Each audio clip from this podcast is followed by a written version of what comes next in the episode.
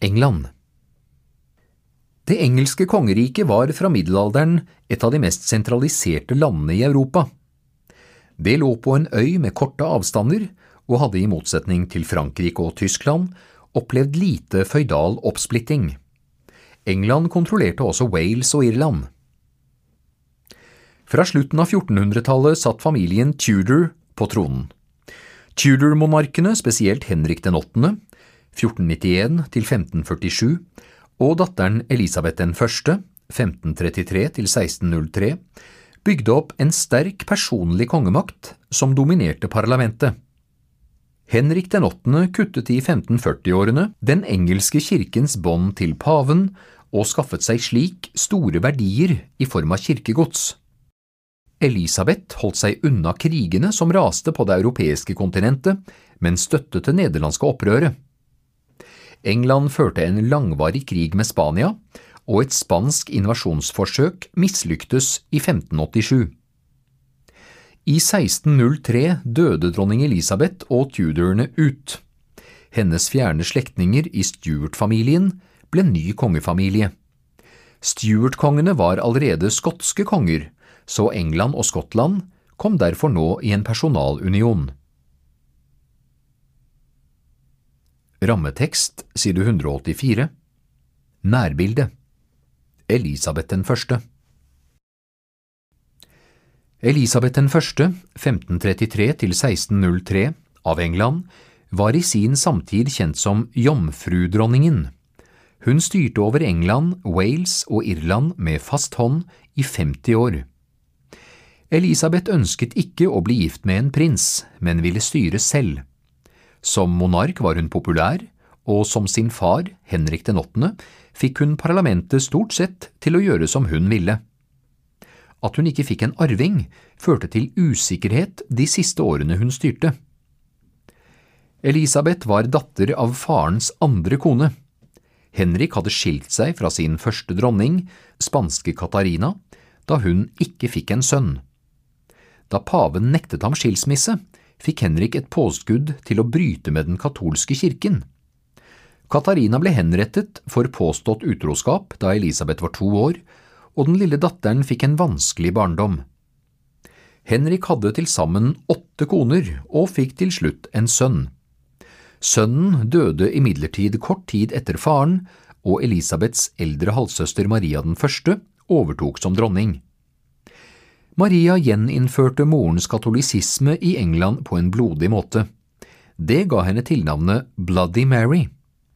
Elisabeth ble fengslet, men ble ny dronning da søsteren døde i 1558. Som dronning førte Elisabeth England raskt tilbake til protestantismen. Hun ble derfor aktivt motarbeidet av paven, som mente hun var en tyrann og et uekte barn. Det bidro til å samle landet mot en felles fiende. En annen rival var de spanske habsburgerne, som hun lå i stadig krig mot. De mislikte at hun var protestant, at hun støttet nederlenderne og måten spanskekongens slektning, dronning Katarina, var blitt behandlet på. Konflikter Etter at stuartene overtok tronen, brøt det ut sterke konflikter mellom kongemakt og parlamentet. Den viktigste striden gjaldt maktfordelingen i den engelske staten. Parlamentet hadde fra gammelt av eneretten til å vedta skatter, noe som gjorde at kongene måtte samarbeide med det for å kunne drive krig eller statsbygging. De styrte riket ved hjelp av sine egne godsinntekter, og fikk kun innvilget ekstraskatter av parlamentet i krigs- og krisetider. De engelske monarkene på 1600-tallet hadde derfor ikke nok penger til å kunne bygge opp en sterk hær eller en maktstat. Et mål for Stuart-kongene ble derfor å få rett til å ilegge skatter. Det ville øke deres makt og uavhengighet betraktelig. Men parlamentet var svært skeptisk til dette. Det ville minske innflytelsen det hadde, og man fryktet at det samme skulle skje i England som hadde skjedd i andre europeiske riker som hadde blitt enevelder. En annen sterk konflikt gjaldt religion. Etter Henrik den 8. hadde England fått en statskirke som ble kalt den anglikanske kirken. Den hadde elementer av både katolisisme og protestantisme. En gruppe protestanter i det engelske samfunnet mente at den fremdeles var for katolsk. Puritanerne, som de ble kalt, var inspirert av kalvinismen og ønsket en mer radikal kristendom, ribbet for helgener og prakt. Puritanerne tilhørte dessuten ikke den anglikanske kirken. Puritanismen hadde særlig støtte i byene og blant kjøpmenn, og flere parlamentsmedlemmer kom fra slike miljøer. Resten av den engelske eliten var anglikanere. Kongene støttet kirken og biskopene, og forsøkte derfor å motarbeide puritanerne ved å stenge dem ute fra samfunnet og statsstyret. Den engelske borgerkrigen I 1620-årene forsøkte Stuart-kongene å styre England uten parlamentet. De ville heller prøve å få inn inntekter på andre måter enn ved skatter. Det lyktes dårlig, og da det brøt ut krig med Spania og opprør i Skottland, ble kong Karl den tvunget til å innkalle parlamentet for å skaffe penger til de militære kampanjene. Det nye parlamentet bevilget skattene, men satte strenge betingelser som begrenset kongens handlefrihet. Det likte Carl dårlig, og konflikten fortsatte. I 1641 brøt det derfor ut borgerkrig. Parlamentets viktigste mål var å beskytte seg mot Carls forsøk på å gjøre England om til et enevelde. Parlamentets hær hadde et sterkt innslag av puritanere, og i løpet av krigen fikk de stadig mer innflytelse. Da borgerkrigen var over i 1648, gjorde hæren statskupp. Moderate parlamentsmedlemmer ble presset ut. Det reduserte parlamentet, avskaffet så monarkiet, og dømte kong Karl den første til døden. I 1649 etablerte parlamentet en republikk. Den første lederen ble puritaneren Oliver Cromwell, 1599 til 1658, som hadde vært parlamentsgeneral under krigen. Republikken utviklet seg til et diktatur hvor puritanerne tvang sin tolkning av kristendommen på alle andre i England. Cromwell ledet også sin kampvante hær på felttog i Irland og Skottland, som ble erobret på en brutal måte. Kongens sønn, kronprins Carl, hadde flyktet til Frankrike og utropte seg der til ny konge. Etter Cromwells død kollapset republikken. I 1660 ble kongedømmet gjenopprettet og Carl 2. hentet hjem. En avtale med parlamentet satte strek over alt som hadde skjedd. Etter Carls død overtok broren Jakob 2. som ny konge. Han var imidlertid katolikk og ble derfor avsatt av parlamentet i 1688. The Glorious Revolution Parlamentet måtte hente inn en ny monark.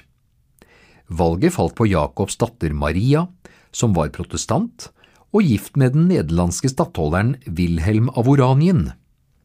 De overtok tronen etter nok en avtale med parlamentet. Denne hendelsen ble senere kjent som The Glorious Revolution, den ærerike revolusjonen. Det konstitusjonelle kongedømmet var dermed formelt etablert. Samtidig vedtok parlamentet The Bill of Rights, en erklæring som satte grenser for kongemakten, og som spesifiserte hvilke rettigheter parlamentet hadde. Erklæringen inneholdt også bestemmelser som sikret ytringsfrihet, faste parlamentsvalg og retten for statens undersåtter til å henvende seg til kongen med klager uten frykt for å bli straffet.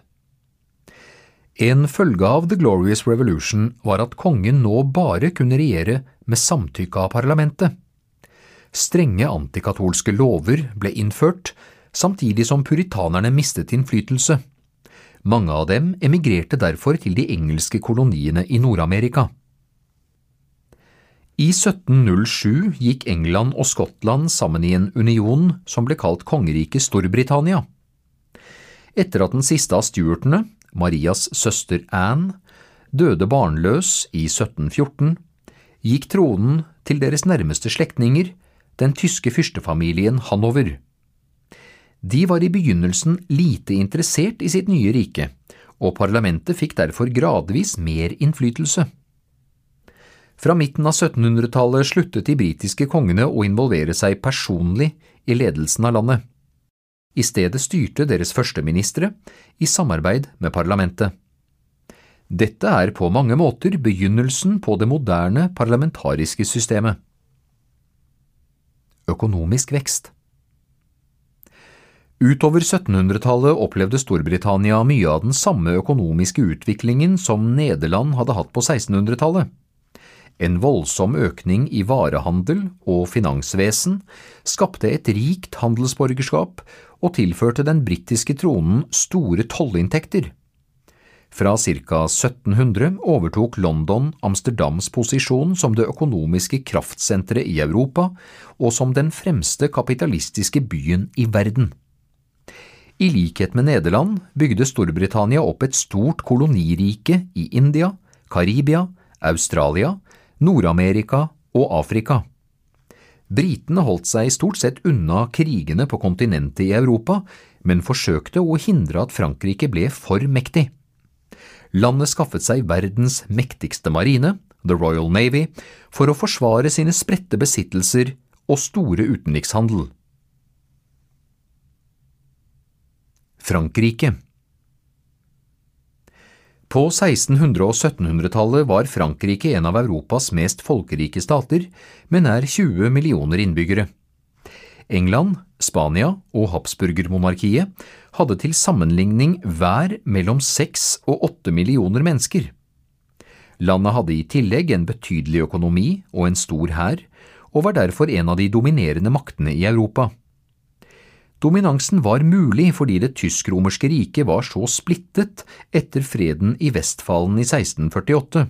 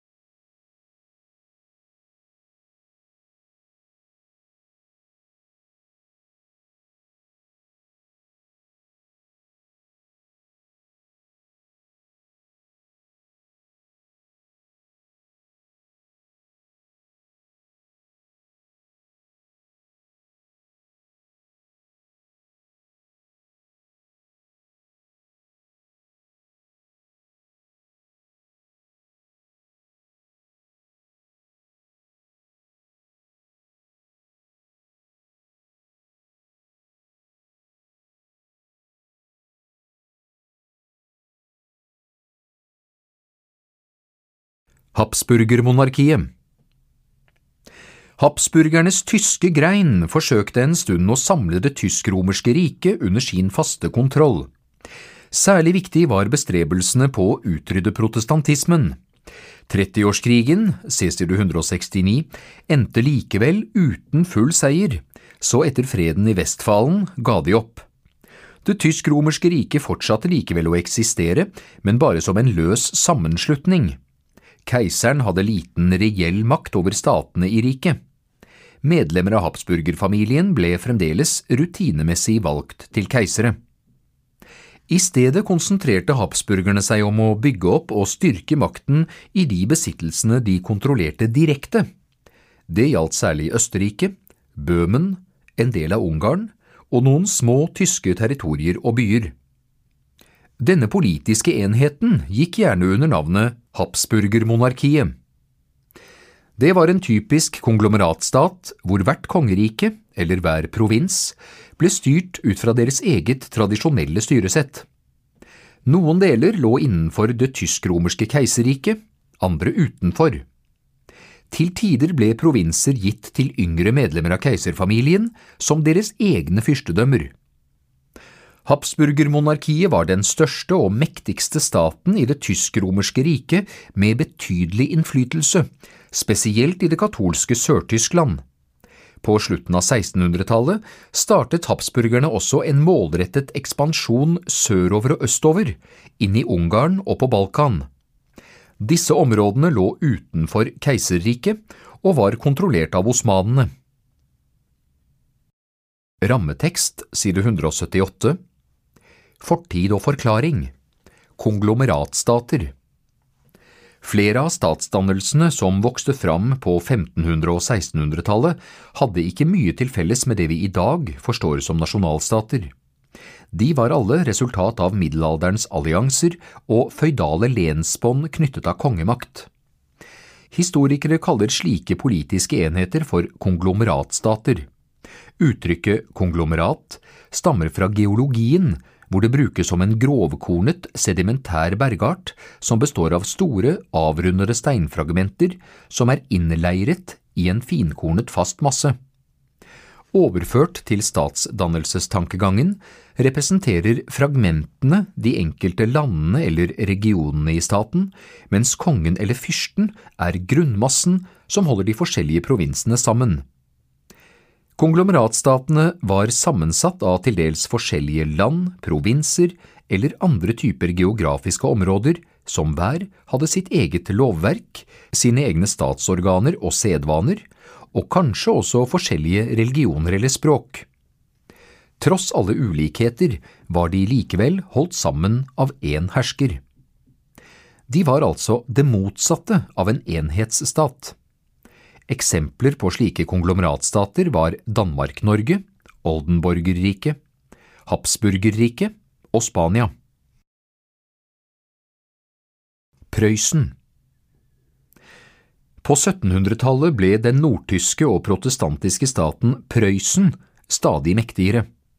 Den hadde sine hovedområder i Brandenburg, området rundt Berlin og ved kysten av Østersjøen i det som dag er deler av Polen og Russland. Fyrstene av Prøysen klarte å få status som konger i 1701. Suksessen kom særlig av at de greide å bygge opp en effektiv statsadministrasjon og et for den tiden moderne og effektivt byråkrati. Den prøyssiske hæren var en av de best trente og mest effektive i Europa. I motsetning til de fleste andre europeiske armeene bestod den av utskrevne mannskaper, ikke leiesoldater. Under ledelse av kong Fredrik den store, 1712–1786, ble Prøysen en stormakt i Tyskland. Det likte habsburgerne dårlig. De så på Tyskland som sitt innflytelsesområde. Prøysen og habsburgermonarkiet utkjempet derfor flere kriger, som nordtyskerne stort sett vant. Fredrik den store ekspanderte også østover og tok store områder fra Polen. Dette kongeriket forsvant til slutt fullstendig i 1795, da det som var igjen ble delt mellom Russland og Østerrike. Spania På den iberiske halvøya lå det opprinnelig flere kongeriker som hadde blitt dannet etter at halvøya ble gjenerobret fra muslimene. På 1400-tallet ble så Spania samlet gjennom en rekke dynastiske ekteskap. De ulike delene i den nye konglomeratstaten beholdt likevel sine gamle institusjoner og lover. Samlingen var fullendt i 1492 da muslimenes festning Granada falt. Det var deres siste fotfeste i Spania. De spanske kongene fikk også kontroll over større områder utenfor hjemlandet. Imperiet de styrte, omfattet etter hvert Sør-Italia og en rekke øyer i Middelhavet og Nord-Afrika. I tillegg kom de enorme besittelsene i Amerika. Samtidig utvidet og styrket kongeparet Ferdinand 2., 1479–1516, og Isabella 1., 1451–1504, og deres etterfølgere den sentrale administrasjonen. En gullalder Kongen av Spania var derfor på 1600- og 1700-tallet blant Europas rikeste og mektigste monarker. Fra koloniene i Amerika strømmet det store mengder av sølv og gull tilbake til moderlandet, se side 157. En velfylt pengebinge gjorde det unødvendig for kongemakten å samarbeide særlig mye med stenderforsamlinger eller velstående kjøpmenn for å sikre statens inntekter. Landet fikk dermed et eneveldig styre. Spania var et sterkt religiøst land, og den katolske kirken sto sterkt blant befolkningen. Også kongemakten var opptatt av å bevare den religiøse enheten, og drev derfor klappjakt på muslimer og jøder. Tvangsomvendelser, beslagleggelser og utvisninger var vanlige virkemidler. Til å hjelpe seg hadde de den kirkelige domstolen, inkvisisjonen, som hadde rett til å dømme alle kjettere. Kongene var også opptatt av å bekjempe kristendommens fiender utenfor Spanias grenser. På midten av 1600-tallet hadde Spania Europas største hær, som ble satt inn i langvarige kriger med osmanene i sør og nederlenderne i nord. Krigene og militærvesenet var finansierte med edle metaller fra Amerika. Den store pengestrømmen fra Amerika skapte en kulturell gullalder i Spania. Kongene og adelen brukte store summer på byggeprosjekter og kunst. For en stund kunne den spanske overklassen nyte et luksusliv uten sidestykke. De økte inntektene førte likevel ikke til varig økonomisk vekst. Det meste forsvant i kortsiktig forbruk, og lite ble investert i framtidig virksomhet nedgangstider. Fra midten av 1600-tallet begynte det derfor å gå nedover med Spania. Selv om sølvet og gullet fra Amerika førte til at staten var mektig både politisk og militært, utviklet det seg betydelige sosiale og økonomiske problemer. De stadige krigene kostet mye, og inntektene gikk med til å betale for leiesoldater og militært utstyr. Lite ble investert i næringsvirksomhet, og store summer forsvant ut av landet gjennom import av dyre forbruksvarer. Alt dette gjorde at den spanske økonomien var underutviklet. Spanias forfølgelse av religiøse minoriteter spilte også inn. Utvisningen av slike grupper gjorde at landet mistet verdifull kompetanse og driftige forretningsfolk. Det spanske riket ble som nevnt styrt av en grein av habsburgerslekten, den siste av disse kongene var Karl 2. Da han døde i 1700, brøt det ut en krig over spørsmålet om hvem som skulle arve hans riker, den spanske arvefølgekrigen 1701 1717. Både den østerrikske delen av habsburgerfamilien og sønnesønnen til den franske kongen Ludvig den 14. krevde arven. Krigen endte med at riket ble delt den franske prinsen ble spansk konge, mens østerrikerne fikk deler av de spanske besittelsene i Europa. Den nye kongen og hans etterfølgere satte i gang en rekke reformer for å styrke den svake spanske staten og for å få i gang økonomisk vekst, noe de til en viss grad klarte. Blant annet ble de ulike delene av Spania nå formelt slått sammen til én stat. Men Spanias dager som Europas mektigste stat var over. Nederlandene Nederlandene var opprinnelig betegnelsen på en samling av 17 provinser i den nordvestre delen av det tysk-romerske riket. På 1400-tallet kom de i habsburgernes besittelse, og ved delingen etter at Karl 5. hadde gått av som keiser i 1556, kom de under spansk kontroll. Området var tett befolket og urbanisert, og langt fremme i økonomisk utvikling. Mange av byene var også sentre for kultur og utdanning. Via handelsbåndene de hadde til Nord-Italia, fikk de sterke impulser fra renessansen. Det nederlandske opprøret Reformasjonen hadde stor framgang i Nederlandene på midten av 1500-tallet, særlig i kjøpmannsmiljøene. Spesielt kalvinismen spredte seg raskt. Dette likte den spanske kongen Philip 2. dårlig.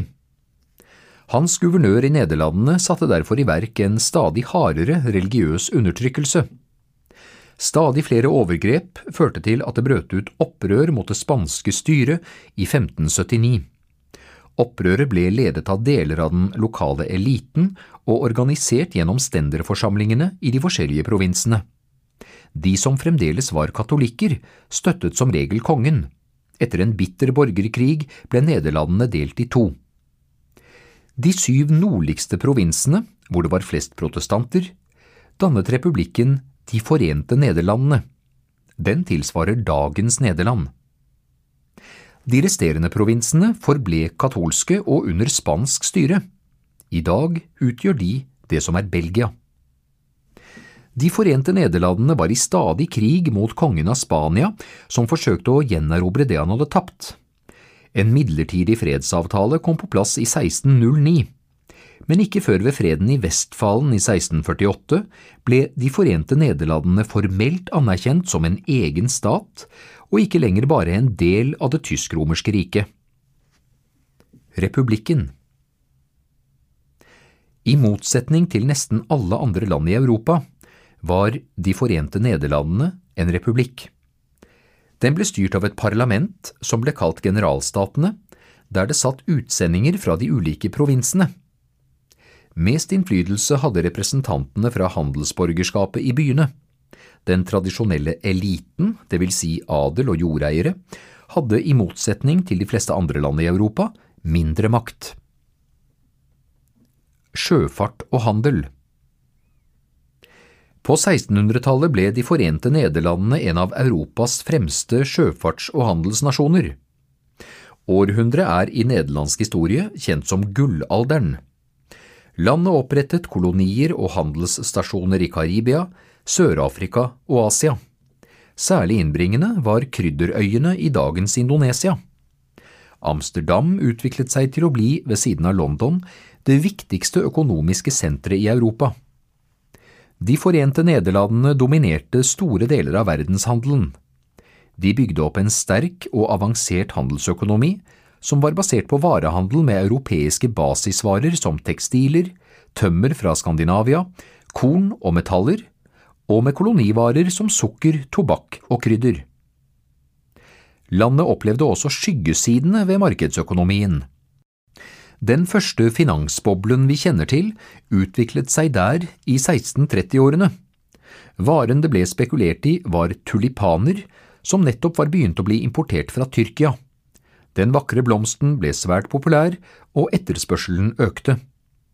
Kjøpmenn spekulerte i å selge tulipanløker til neste års vår, og drev slik prisen kunstig oppover.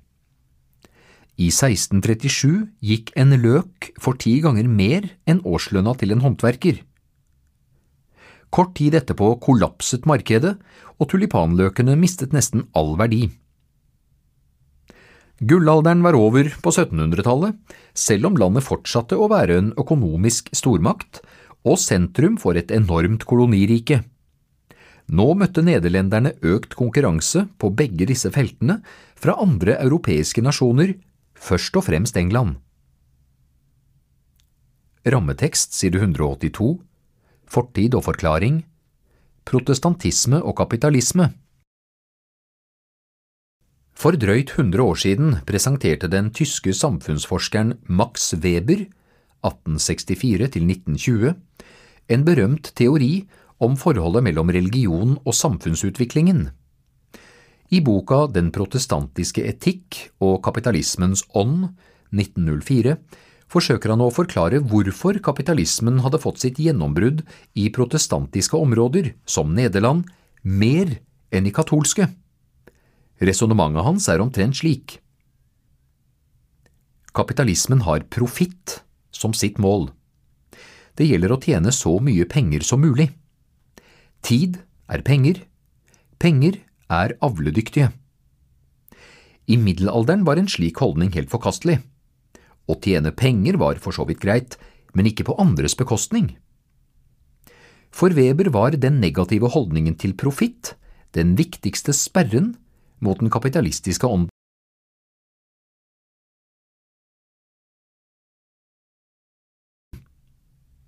Selv om store verdier fra Amerika strømmet inn i europeisk økonomi på 1500-tallet, var det likevel ikke nok til å forløse den kapitalistiske tenkemåten. Hva var det da som endelig gjorde det? Webers teori er oppsiktsvekkende og kontroversiell. Den kalvinistiske læren om Guds utvelgelse. Kalvinistene tror at Gud på forhånd har bestemt at noen skal til himmelen og noen til helvete. Fra én side sett ville man kanskje tenke at det virket passifiserende på folk. Webers påstand er likevel at den skremmende læren hadde den stikk motsatte effekten. Selv om menneskenes gjerninger ikke betydde noe for frelsen, kunne suksess i det jordiske livet være et tegn på at man var blant de utvalgte. Den psykologiske effekten av å lykkes i livet stimulerte kalvinistene til ekstra innsats. Hardt arbeid og nøysom livsstil var grunnlaget for det Weber kaller den protestantiske etos. Når pengene begynte å yngle, måtte de ikke brukes til fjas og luksus, men i stedet investeres i nye prosjekter. Krigen hadde Statsmaktens utvikling 30-årskrigen hadde vært en kraftanstrengelse for alle de medvirkende statene. Utgiftene til militære styrker hadde lagt beslag på store deler av myndighetenes ressurser. Det ble samtidig stadig klarere at større hærer var avgjørende for en stats evne til å overleve. Skulle man finansiere og administrere dem, var det helt nødvendig med et effektivt byråkrati og økte inntekter. På 1600-tallet og framover fant det derfor sted en viktig utvikling mot en sterkere statsmakt i Europa. Prosessen var ulik fra land til land, men i all hovedsak var det to modeller som slo igjennom. Den ene var det konstitusjonelle kongedømmet, den andre var enevelde. Det konstitusjonelle kongedømmet det konstitusjonelle kongedømmet bygger på prinsippet om at kongen er bundet av en skreven eller uskreven grunnlov. I enkelte land ble slike avgrensninger og maktfordelingen mellom kongen og hans undersåtter nedfelt i de såkalte håndfestningene. Det var avtaler tronfølgerne måtte inngå med stendene for å bli valgt til ny konge. Styreformen hadde sine røtter i middelalderens stenderforsamlinger. Der møttes de tre stendene adel, geistlighet og borgerskapet. Adelen var den klart dominerende. I noen få områder, annet i Norge, Sverige og alperegionen, fikk også bøndene delta som en egen stand. Andre samfunnsgrupper lavere ned på den sosiale rangstigen ble ikke representert. Stenderforsamlinger hadde tradisjonelt rett til å velge ny konge og til å skrive ut nye skatter. Det gjorde at kongene ofte måtte forhandle med dem og gi dem innrømmelser for å få det som de ønsket. Et av de viktigste dokumentene som definerte dette systemet, var det engelske Magna Carta, C-side 81. Adelen og kirken tvang i 1215 kongen til å signere dokumentet som slo fast at også han var underlagt loven. Dokumentet garanterte også at rikets innbyggere hadde visse rettigheter som ikke kunne tas fra dem, blant annet parlamentets myndighet til å godkjenne skatter, og at frie menn hadde rettssikkerhet.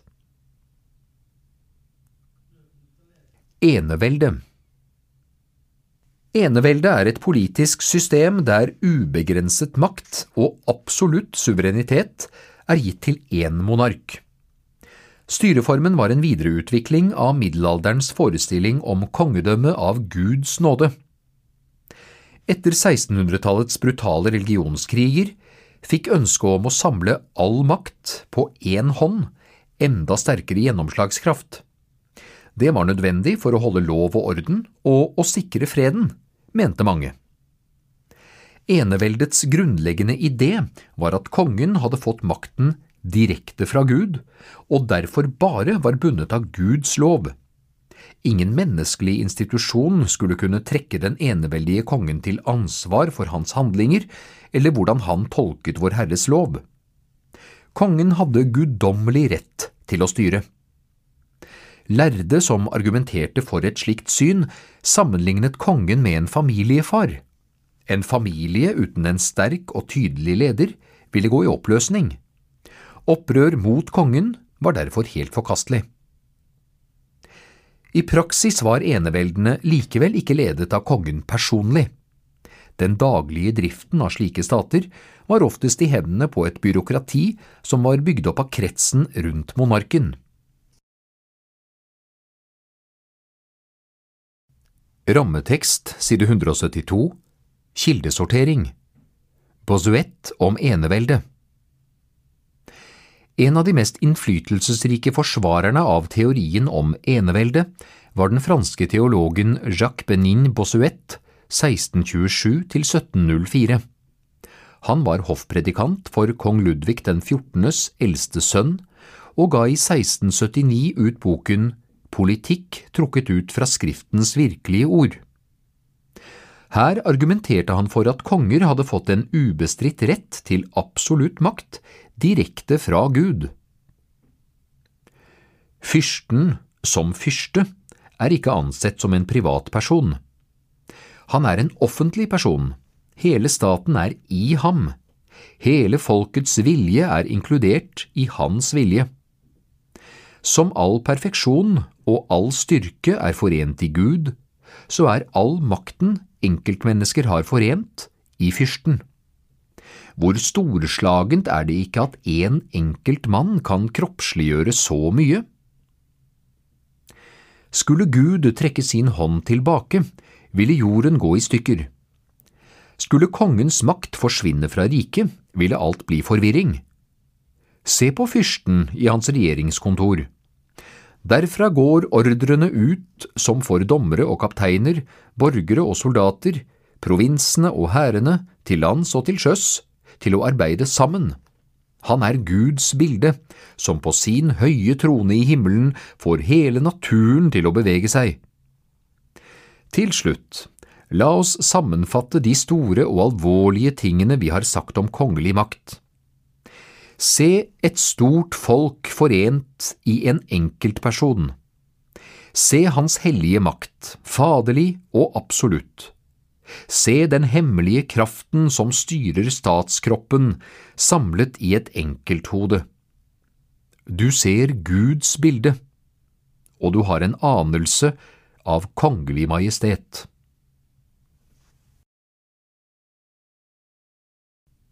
Militæret som drivkraft Den avgjørende pådriveren for framveksten av de nye maktstatene var militæret.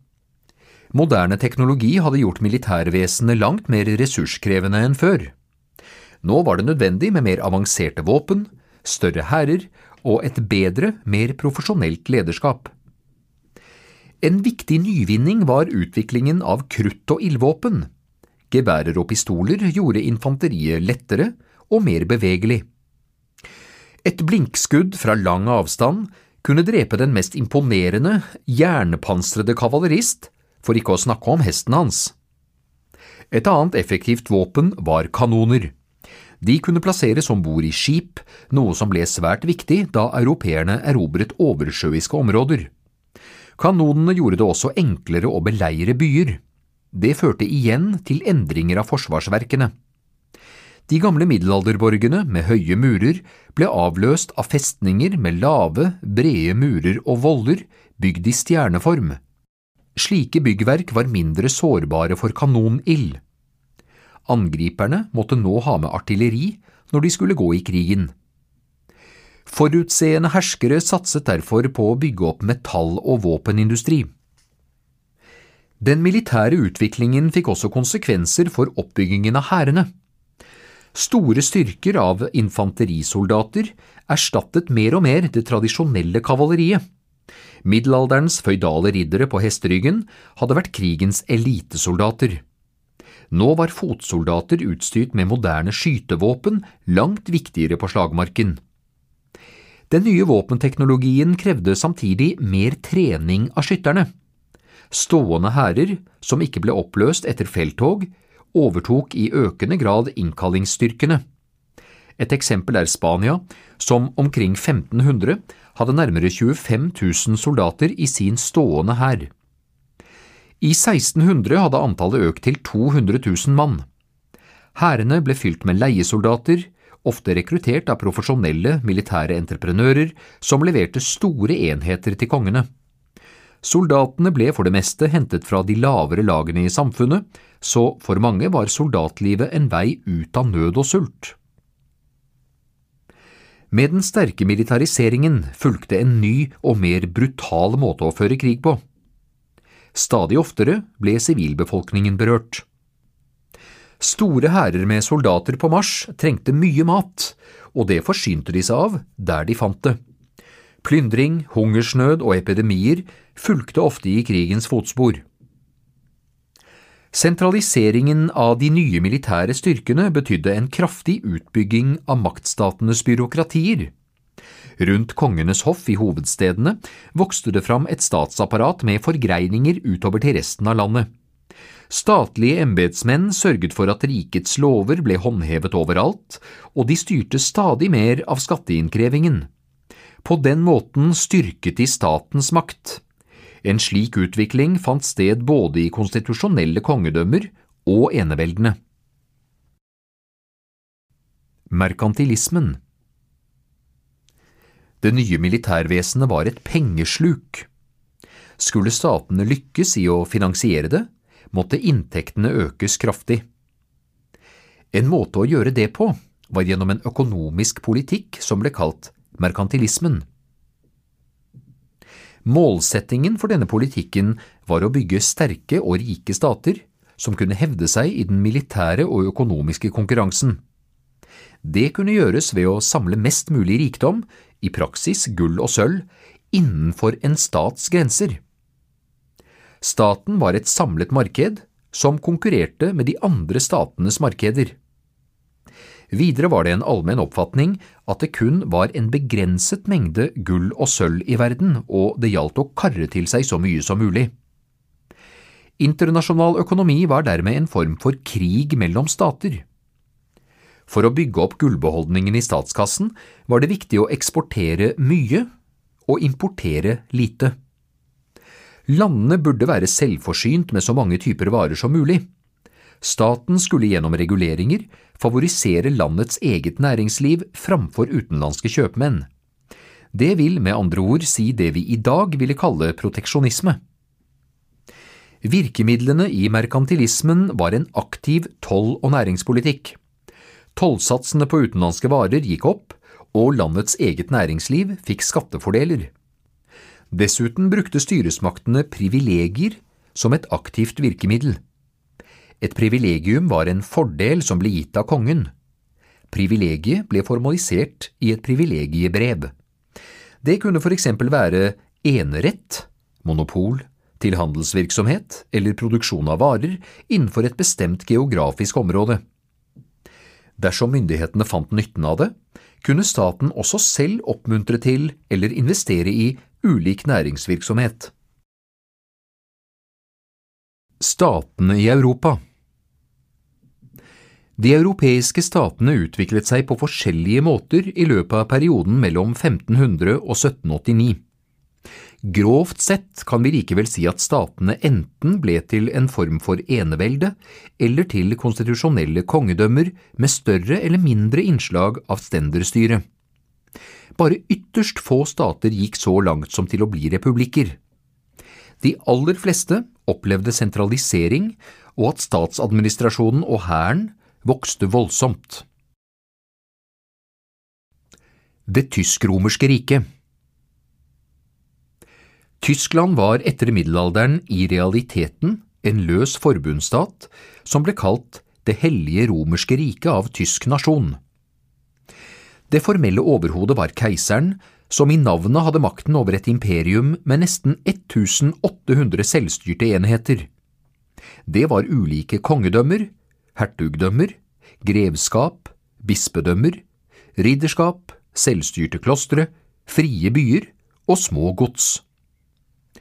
De tysk-romerske keiserne ble som oftest valgt fra den østerrikske Habsburgerfamilien. Habsburgerne var katolske og opptatt av å styrke keisermakten. Målet var en samlet tysk stat under deres herredømme. På 1500-tallet fikk familien som følge av arv og giftermål også kontroll over Spania, Nederlandene og deler av Italia. Utviklingen nådde sitt toppunkt med keiser Karl 5., 1500 1558, som hersket over den største konglomeratstaten som hadde eksistert i Europa. Da Karl 5. abdiserte i 1556, ble besittelsene delt. Karls sønn Philip 2., 1527 1598, fikk Spania, inkludert Sør-Italia og Amerika, og Nederlandene. Hans bror Ferdinand 1., 1509 1564, arvet Østerrike og keisertittelen. Dermed var habsburgerfamilien delt i to greiner, som hver hersket over et stort, sammensatt rike. Greinene samarbeidet tett, og begge var sterkt opptatt av å forsvare pavekirken og å bekjempe Frankrike. De inngikk ofte allianser med hverandre gjennom en rekke fetter-kusine-ekteskap. Innavlen førte til at mange av habsburgerne fikk arvelige sykdommer. Familien hersket over det spanske riket til 1700 og i Østerrike til 1918. Rammetekst side 177 Nærbilde Karl 5. Keiser Karl 1500 1558 og hans enorme rike er et godt eksempel på statsdannelsesprosessen i Europa på 1500-tallet, spesielt for hvordan ekteskap og arv sørget for at stadig flere ulike territorier hopet seg opp på få hender og dannet konglomeratstater. Carl var født inn i habsburgerfamilien, som fra gammelt av hersket over Østerrike og dessuten var tysk-romerske keisere. Habsburgerne giftet seg kun med medlemmer av andre europeiske fyrstehus. Det gjorde at familien ofte arvet territorier. Fra faren arvet Carl Østerrike og flere mindre tyske fyrstedømmer. Fra farmoren overtok han Nederlandene, og fra moren sin Spania, inkludert Sør-Italia og de spanske koloniene i Amerika og ellers i verden. Det var et enormt rike han fikk herredømme over, et imperium hvor solen aldri gikk ned. Carl, som var født i Nederlandene, gjenspeilet selv den transnasjonale karakteren til sine besittelser og skal ha sagt Jeg snakker spansk til Gud, italiensk til kvinner, fransk til menn og tysk til min hest. I 1519 ble han dessuten valgt til keiser. Carl tilbrakte mye av sin tid som hersker over dette store imperiet med å forsvare seg. Franskmennene fryktet at Carl skulle forsøke å forene hele Europa i et universelt monarki, et samlet rike som styrte hele kristenheten. Som tysk-romersk keiser og dermed arvtaker til Romerriket var han den som kunne gjøre det, og nå hadde han samlet store deler av Europa. Kretsen rundt Carl var ikke fremmed for tanken, men det ble med ideen. Det var vanskelig nok å holde kontroll med områdene han styrte. I tillegg forsøkte Karl 5. å øke sin makt over Tyskland. Han var dypt religiøs og så på seg som den katolske kirkens beskytter.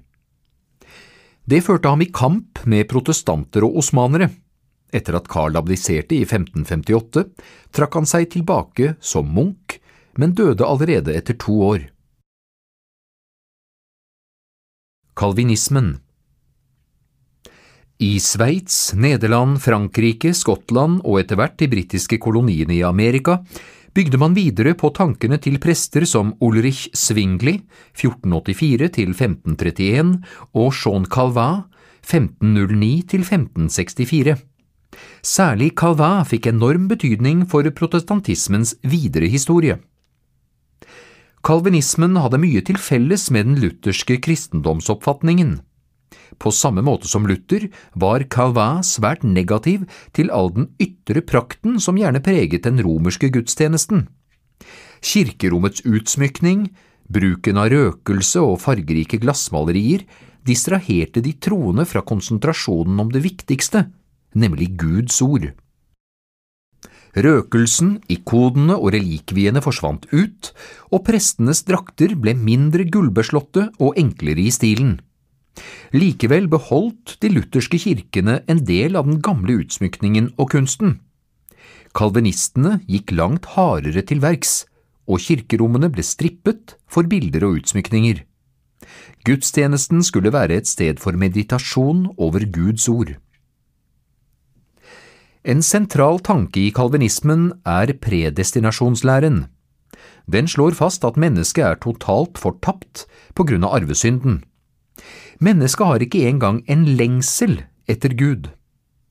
Den logiske konsekvensen av et slikt syn er at frelsen bare kan komme fra Gud selv. Bare de blir frelst som Gud har valgt ut. Denne uhyggelige forestillingen var også en del av Luthers teologi, men den ble etter hvert tonet kraftig ned i de lutherske statskirkene. Kalvinistene holdt derimot mye sterkere fast på den. Et annet særtrekk ved de kalvinistiske samfunnene var en påfallende sterk arbeidsetikk. Den gode kristne hadde en plikt på seg til å jobbe hardt. Å kaste bort tiden på unyttige aktiviteter og dagdriveri var en synd. Fråtsing og sløsing med penger var i strid med Guds vilje. Livet her og nå skulle brukes til å ære Gud, og da gjaldt det å bruke tid og krefter på å yte sitt beste. Kalvinismen fikk også betydning for organiseringen av det religiøse livet. I de lutherske kirkene overtok staten utnevnelsen av prestene og biskoper, slik at de geistlige da beholdt en slags overordnet posisjon i menighetene. Kalvinistene derimot lot hver enkelt menighet selv utpeke sine ledere. Et eldsteråd, som medlemmene valgte, erstattet prestestyret. På den måten fikk de tidlig demokratisk erfaring. Også på det politiske planet førte Calvas lære til endringer. Byer som Genéve og Zürich i Sveits ble det vi kaller teokratier. Kalvinistene tok over styringen av hele samfunnet, inkludert statens oppgaver. Eldsterådene sørget for at den kristne moralen, slik de så den, skulle gjelde på alle områder. Personer som brøt de ti bud, ble straffet, og kjettere havnet på bålet. Motreformasjonen En stund etter at reformasjonen brøt ut, så det virkelig stygt ut for Romerkirken. Opprøret i Tyskland førte til en avskalling av lokale statskirker, og spredningen til andre land gjorde at Roma mistet mange medlemmer i Vest- og Nord-Europa. Noe måtte gjøres for å heve den åndelige standarden innad i kirken. Reformatorenes drepende kritikk var ikke tatt ut av løse luften. I løpet av et par tiår greide paven å mobilisere til en motreformasjon. Kirken strammet opp sine egne tjenere, teologien ble mer ensrettet og kampen mot kjettere intensivert. Inkvisisjonen fikk mer å gjøre på 1500-tallet enn noen gang før. En ny munkeorden, jesuittene, ble opprettet av den spanske presten Ignatius Loyola 1491 til 1556. Loyola ønsket å rekruttere en gruppe spesielt motiverte frontsoldater i kirkens kamp mot kjetteriet. Jesuittene, også kalt Jesus selskap, måtte sverge absolutt troskap mot sin orden, og de forpliktet seg til å leve et strengt og gudfryktig liv. Loyola stilte sine menn til pavens disposisjon, og i tiden som fulgte spilte de en avgjørende rolle i kirkens fornyelse. De var ivrige misjonærer i de oversjøiske områdene, og de arbeidet under jorda i protestantiske land. Jesuittene skal ha mye av æren for at romerkirken kom til hektene igjen. En annen viktig årsak til at motreformasjonen lyktes, var støtte fra verdslige ledere. Særlig betydningsfull var Karl 5., som både var tysk-romersk keiser og konge av Spania. Freden i Augsburg i 1555 hadde riktignok vært et kompromiss der han måtte akseptere at mange tyske fyrster vendte ryggen til Roma. Likevel var keiserens innsats avgjørende for at romerkirken beholdt sin dominerende posisjon i land som Spania og Italia. Også i Frankrike var romerkirkens overlevelse avhengig av politisk støtte. På samme måte som i Tyskland ble landet kastet ut i en brutal religionskrig. De kalvinistiske hugenottene hadde vokst til å bli en betydelig minoritet i landet. Det katolske flertallet gjorde alt det kunne for å slå tilbake hugenottenes framgang, og blodige sammenstøt fant sted. Stridens kjerne var særlig spørsmålet om hvem som skulle være Frankrikes konge. Den fremste tronarvingen var hugenotten Henrik den fjerde, men for den katolske eliten i Paris var det utenkelig med en protestant på tronen. Henrik på sin side forsøkte med militær makt å slå ned den katolske opposisjonen. Til slutt innså han likevel at han ikke ville greie å vinne på slagmarken, så i 1593 konverterte han like godt til katolisismen. Dermed var romerkirkens videre eksistens sikret også i Frankrike. Forfølgelsene av hugenottene fortsatte helt fram til 1598, da Henrik endelig forbarmet seg over sine tidligere trosfeller. Det såkalte toleranseediktet i Nantes garanterte hugenottene retten til å praktisere sin tro uten å bli forfulgt. Religionsfriheten for protestantene varte fram til 1685. Da ble toleranseediktet trukket tilbake. Katolisismen var igjen den eneste tillatte religionen i Frankrike. 30-årskrigen Til tross for freden i Augsburg i 1555 var forsøkene på forsoning mellom katolikker og protestanter i Tyskland likevel skjøre. På 1600-tallet brøt det derfor ut nye strider. Den mest blodige var 30-årskrigen, 1618 til 1648. Selv om den for det meste foregikk på tysk jord, trakk den til seg hærer fra en rekke land i Europa. Utgangspunktet for 30-årskrigen var en ulmende konflikt i kongeriket Bøhmen, nåværende Tsjekkia.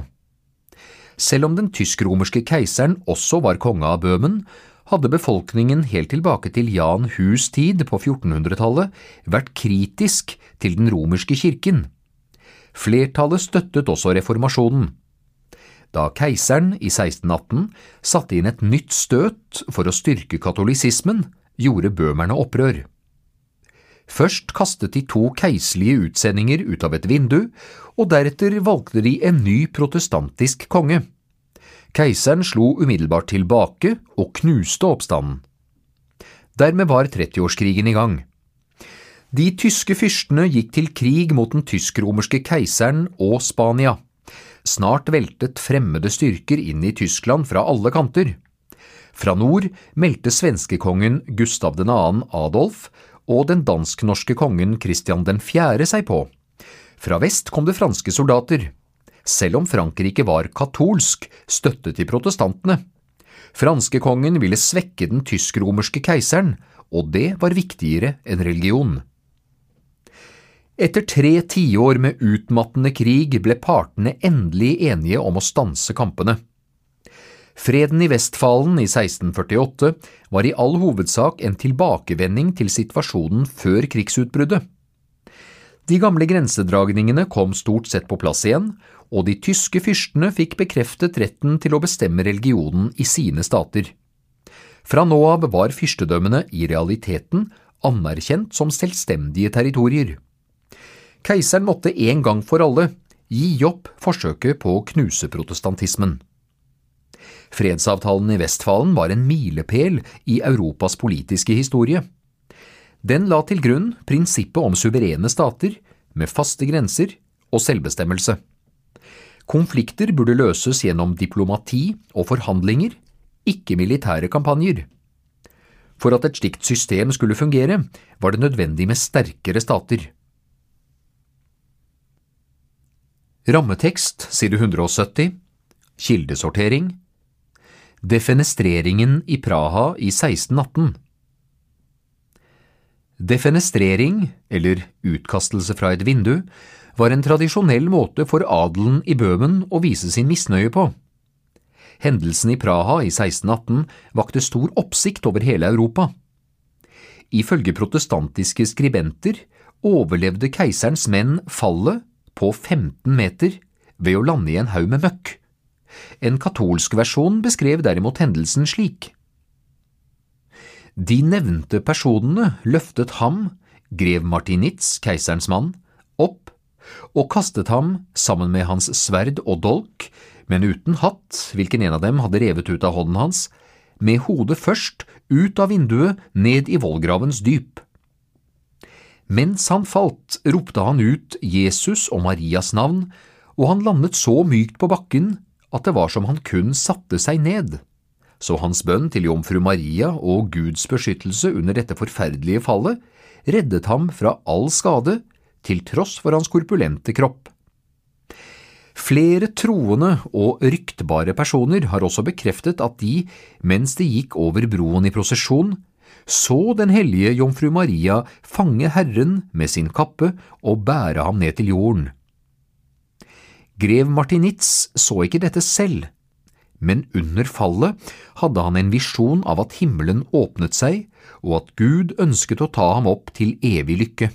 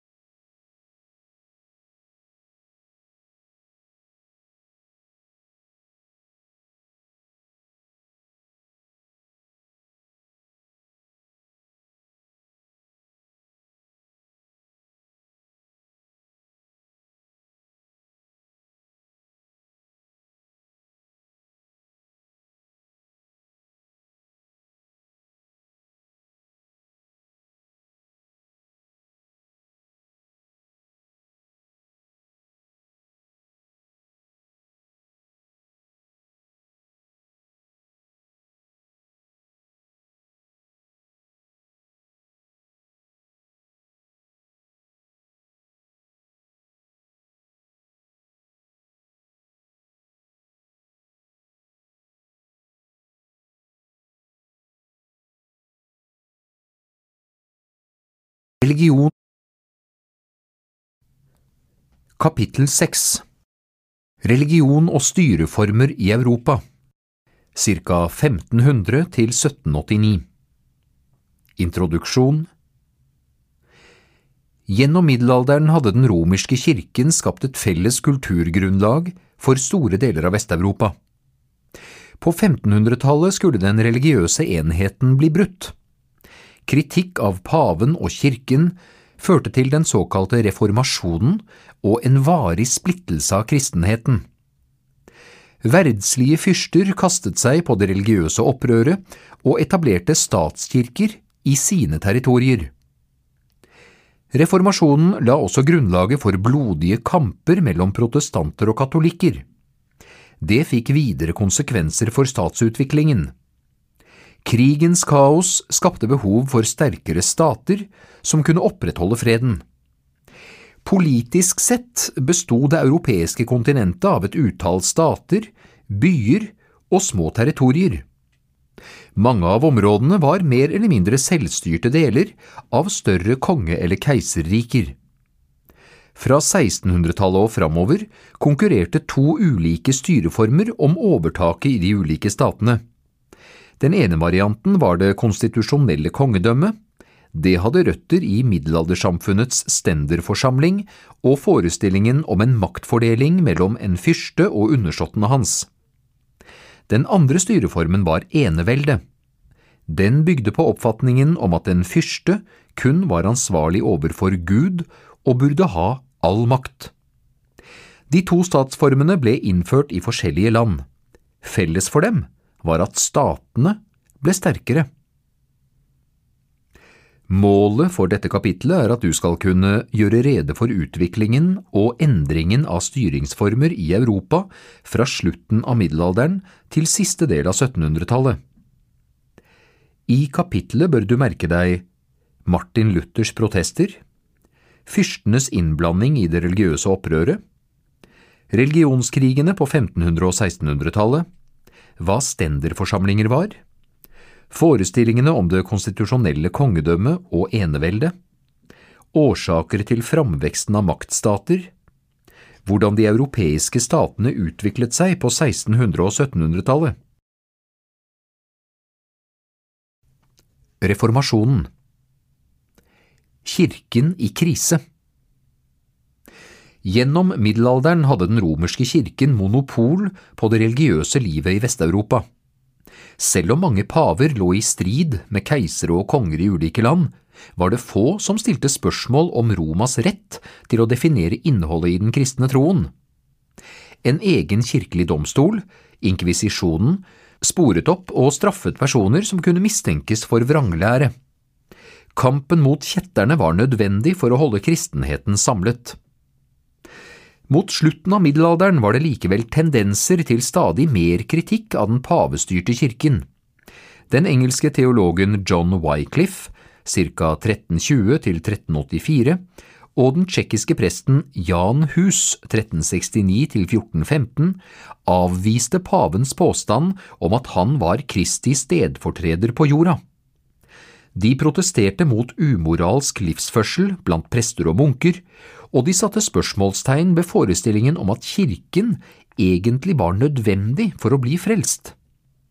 Kristendommens kjerne var et personlig forhold mellom Gud og den enkelte troende. I stedet for å følge kirkelige påbud burde den kristne selv lese Bibelen, mente de. Selv om tankene til Wycliffe og Hus hadde en viss utbredelse i samtiden, greide kirken for en stund å slå dem tilbake. I 1415 ble begge erklært som kjettere, og Hus havnet på bålet.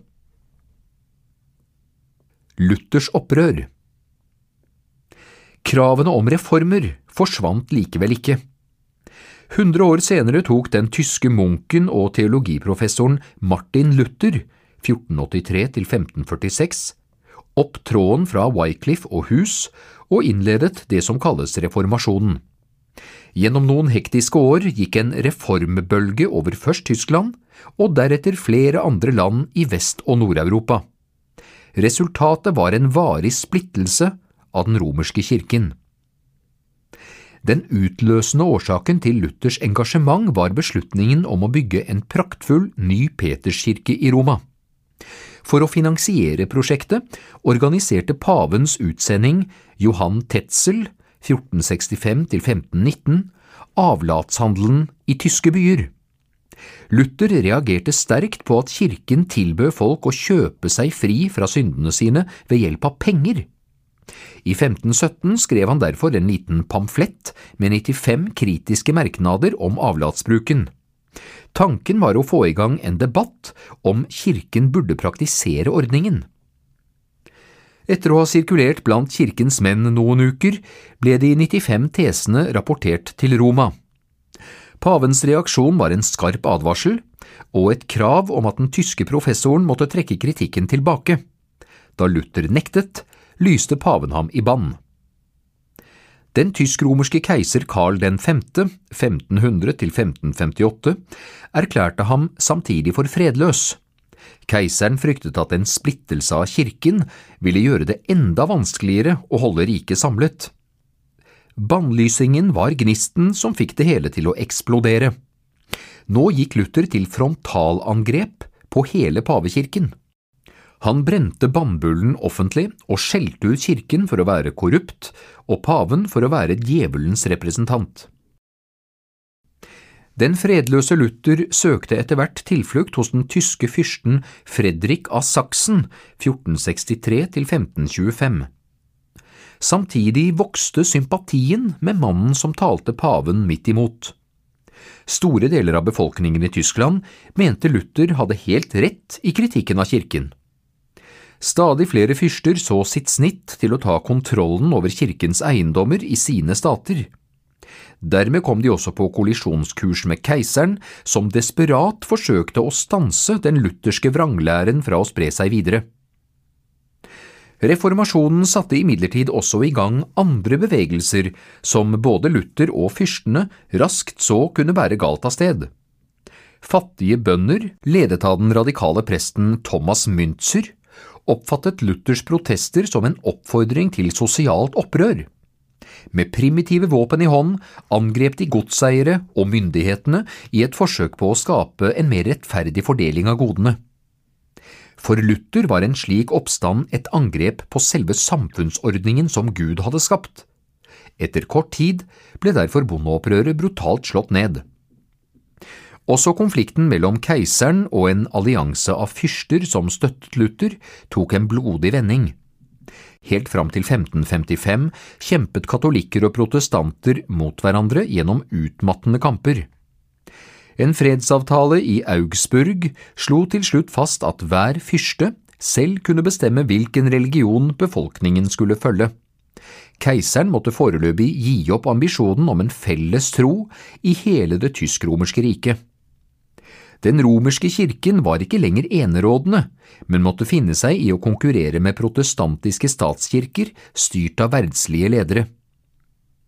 Fra Tyskland spredte den lutherske reformasjonen seg til England og Skandinavia, der kongene også benyttet anledningen til å beslaglegge kirkelige gods og verdier.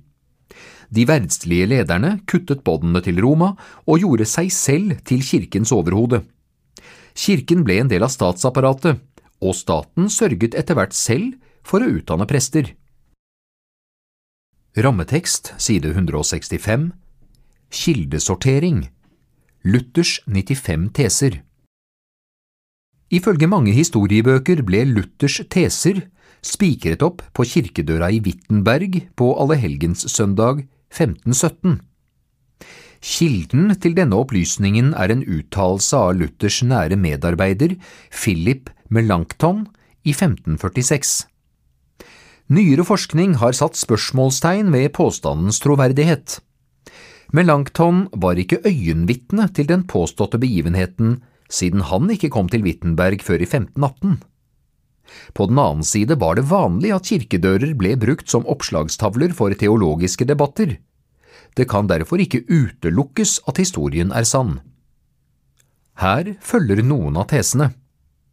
27 De som sier at sjelen flyr ut av skjærsilden så snart pengene klinger i kisten, forkynner menneskelærdom.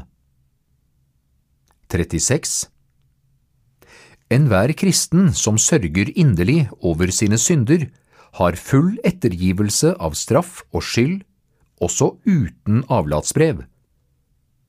38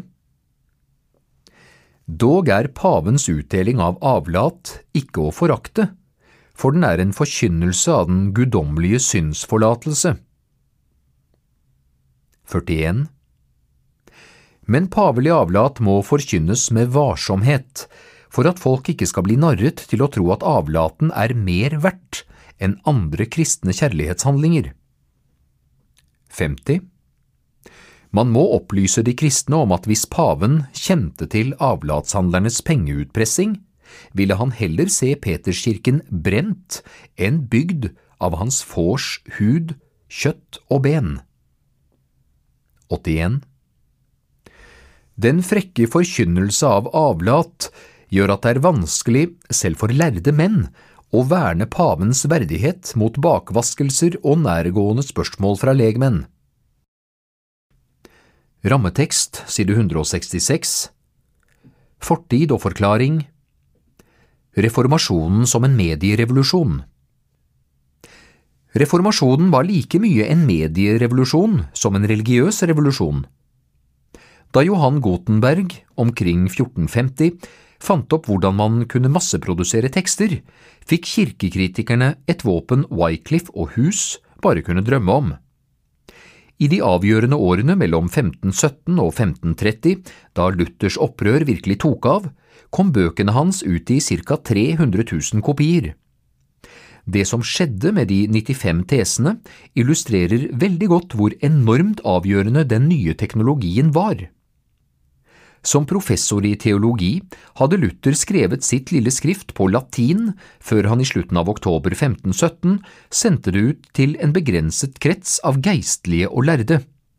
Ved juletider samme år var teksten oversatt til tysk og publisert av tre uavhengige bokutgivere i tre forskjellige byer.